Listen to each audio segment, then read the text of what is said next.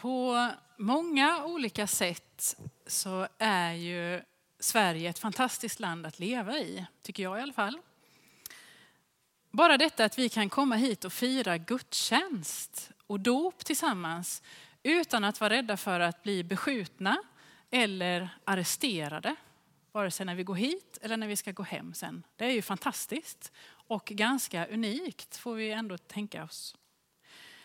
Men vi vet också att för en del av oss så kan detta med, med tro och att bli döpt få väldigt stora konsekvenser.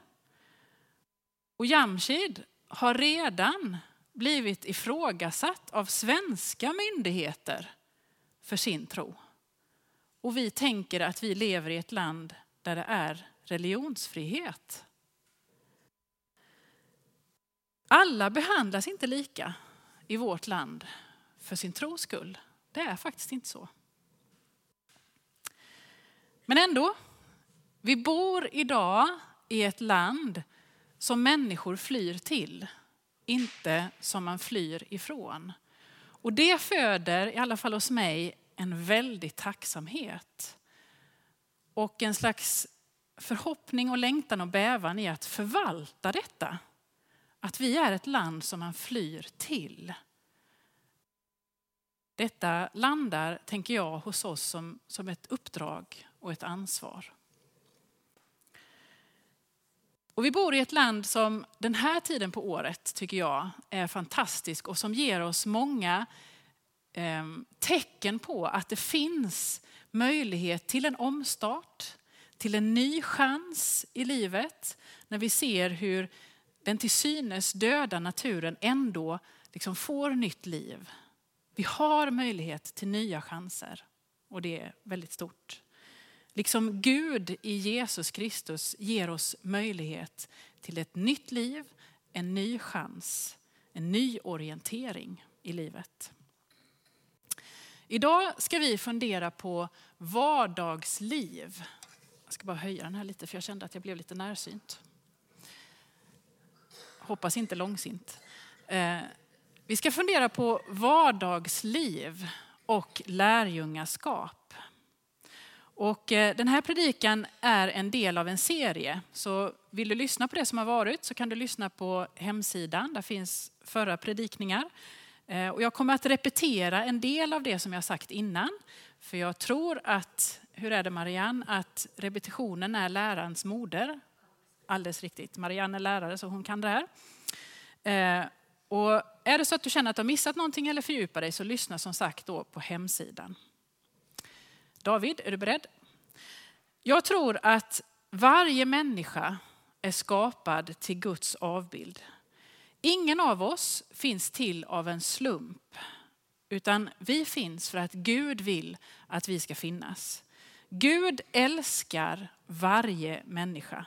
Och detta tror jag är vår djupaste identitet. I detta så är vi allting. I detta är vi allting. Skapade och älskade. Själv sliter jag med tron att det räcker inte att det är just så. Jag tar till mina egna krafter för och försöker bli någonting mer. Jag presterar och försöker vara trevlig och människor till lags. Jag vill vara duktig, alltså bli någonting. Och söker mig liksom utanför den här kärnan av djupast identitet. Jag förlitar mig på mig själv och min egen kapacitet istället för att förlita mig på att Gud älskar mig. Gud har skapat mig och det är min, mitt allting. Och så försöker jag bli någonting istället. Välkommen Jamshid.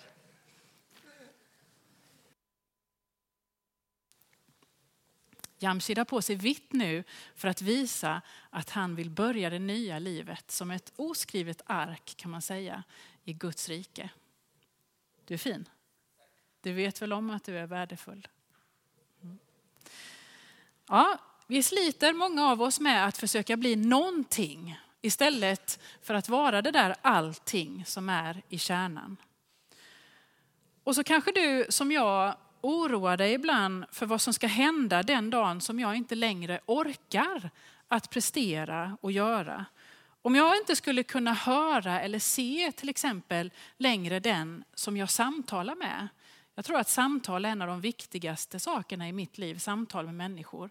Men om jag plötsligt inte skulle höra eller se den som jag samtalar med längre, vem är jag då? Vem blir jag då? Om jag inte skulle kunna röra mig eller kunna gå på toaletten själv. Om jag inte skulle förstå ett enda ord som du sa till mig. Eller om jag skulle bara glömma det hela tiden. Vem är jag då? Vem blir jag då? Och då plötsligt så kan det bli att jag upplever mig att ha hamnat till och med utanför någonting i ingenting. Och när Bibeln talar om synd så tänker jag mig att det handlar just om detta.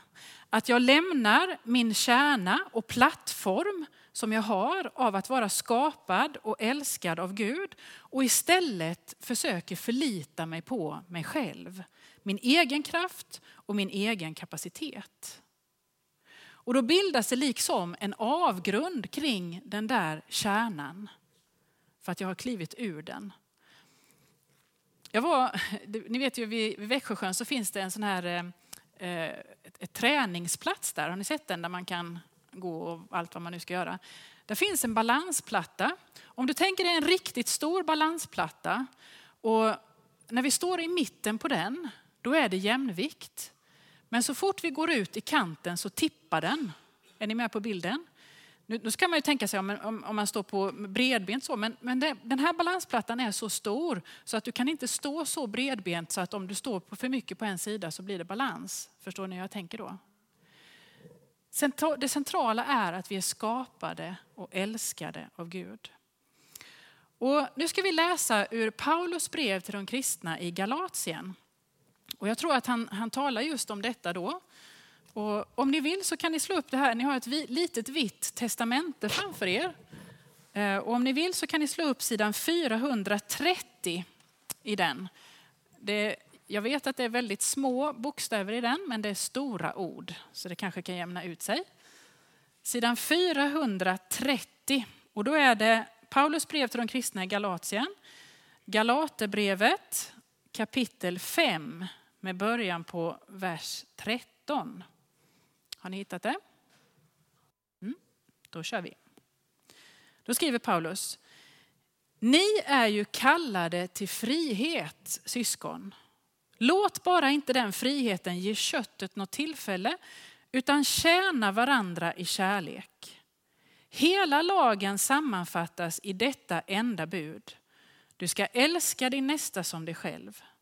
Men om ni biter och sliter i varandra är det fara värt att ni är slut på varandra. Nej, säger jag, låt er ande leda er så ger ni aldrig efter efter köttets begär. Köttet är fiende till anden och anden till köttet. De två ligger i strid så att ni inte kan göra det ni vill. Men om anden får styra er står ni inte längre under lagen.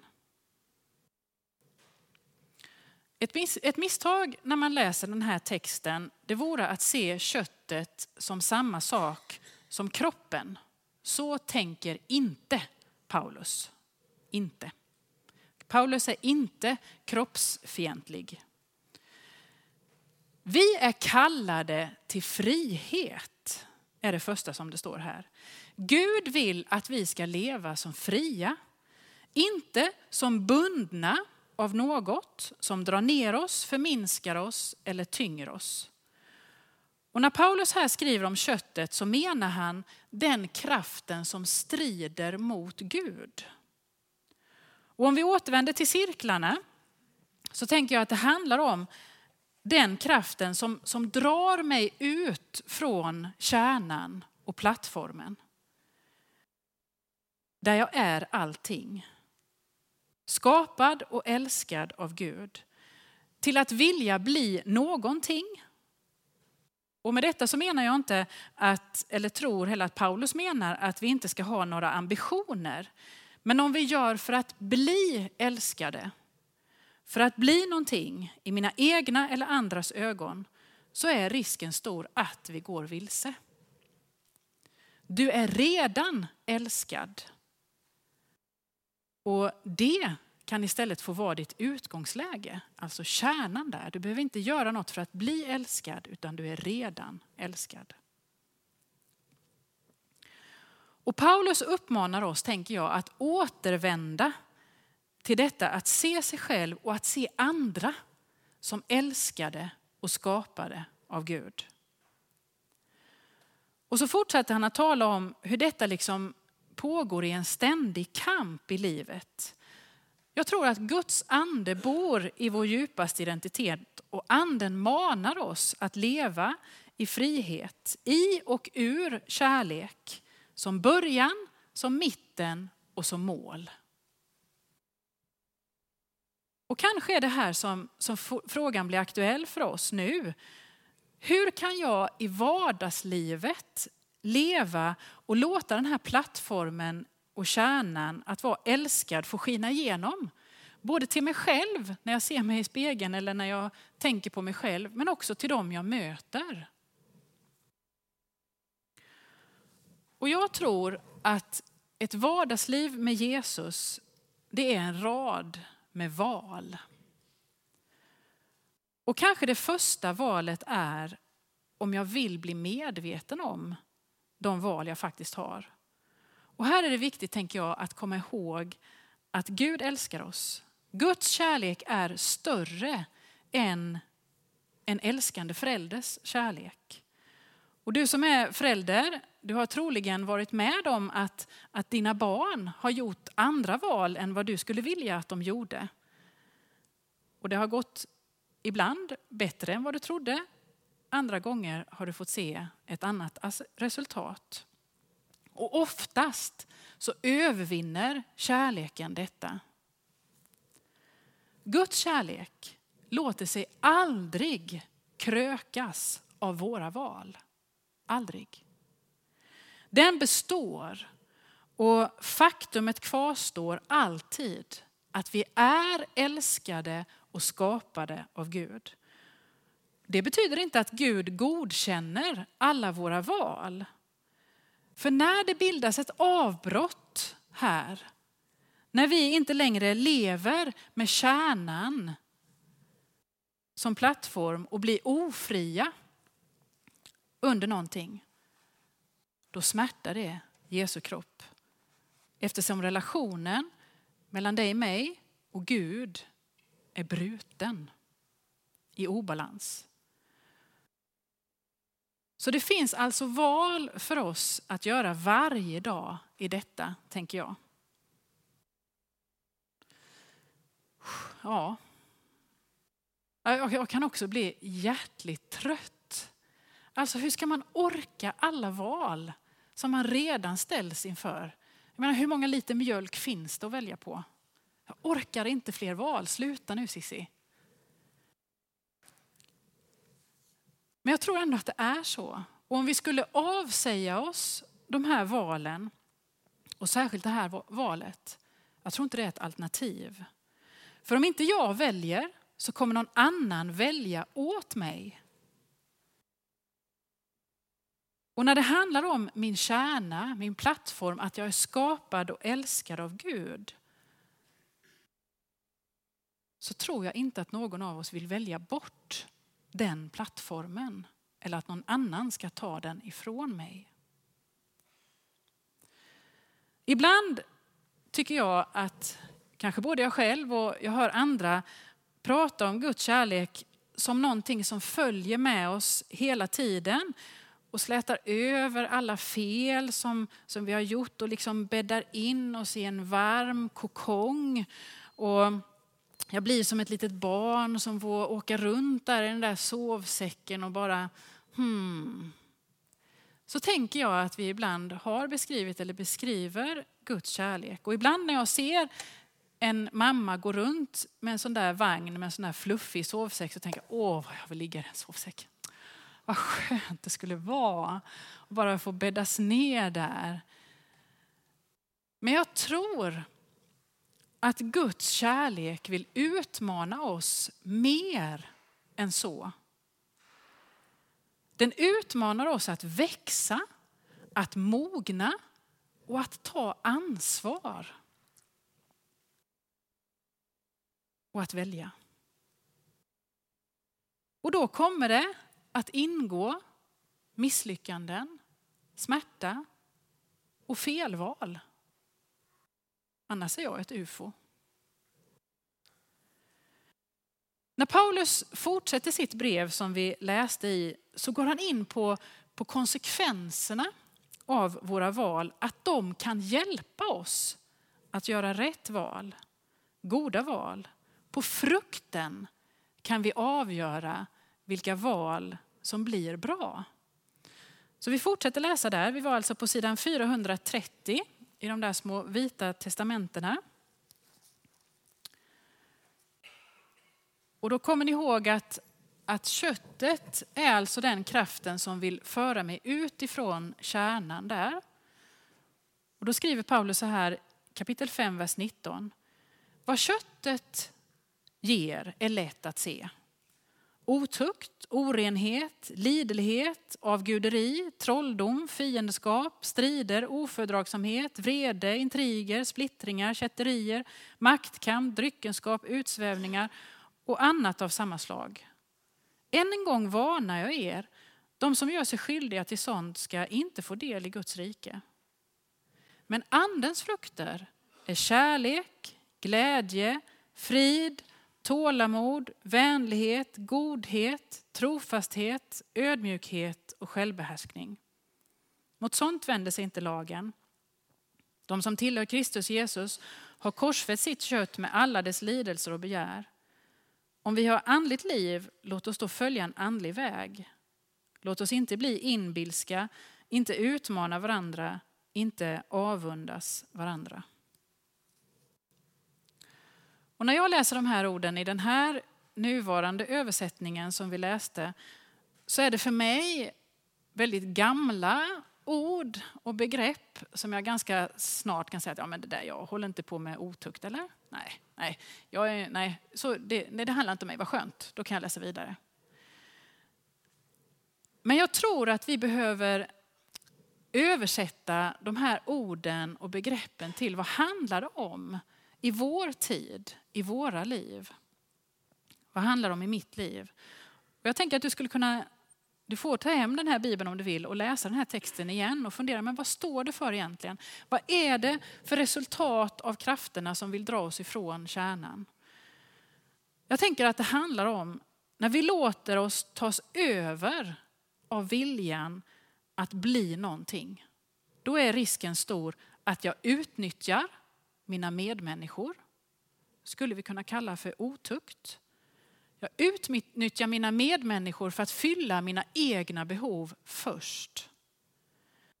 Jag väljer omedelbar behovstillfredsställelse istället för att tänka på de långsiktiga följderna eller konsekvenserna, goda lösningarna. Jag sätter min tillit till mina pengar och mina tillgångar som om de fanns där alltid. Jag struntar i hur mitt konsumerande påverkar övrigt liv på den här planeten. Jag tror det är det som Paulus talar om i den texten.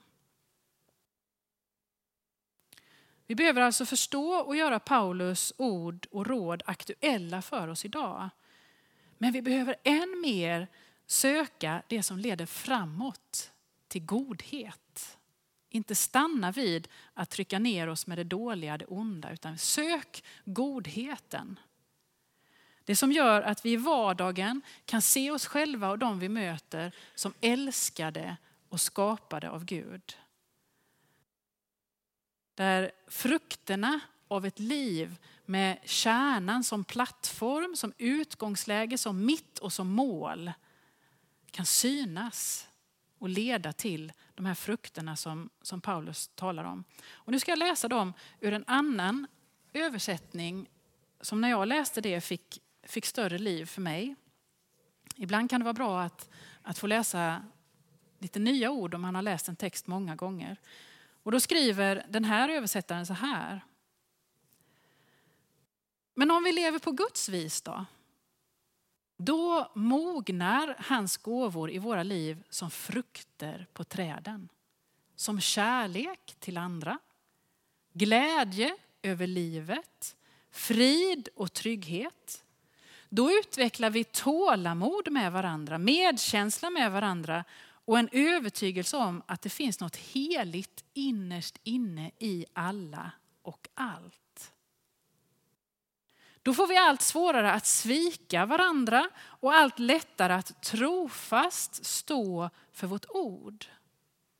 Allt mindre behov av att hävda oss själva, allt större förmåga att samla och styra vår kraft på ett klokt sätt. Lagiskhet leder aldrig dit, det bara hindrar. De som tillhör Kristus har låtit korsfästa och utrota ur sig själva allt som hör ihop med att till varje pris driva igenom sin egen vilja och att tanklöst köpa allt som folk tycker att man måste ha, göra och uppleva. Har vi valt ett sådant liv, andens liv, måste vi se till att det blir mer än bara en tanke eller en känsla. Att det präglar hela vår livsföring. Det betyder inte att vi det betyder att vi inte får jämföra oss med varandra som om den ene vore bättre och den andra sämre. Vi har mer givande saker att göra med våra liv. Var och en av oss är unik.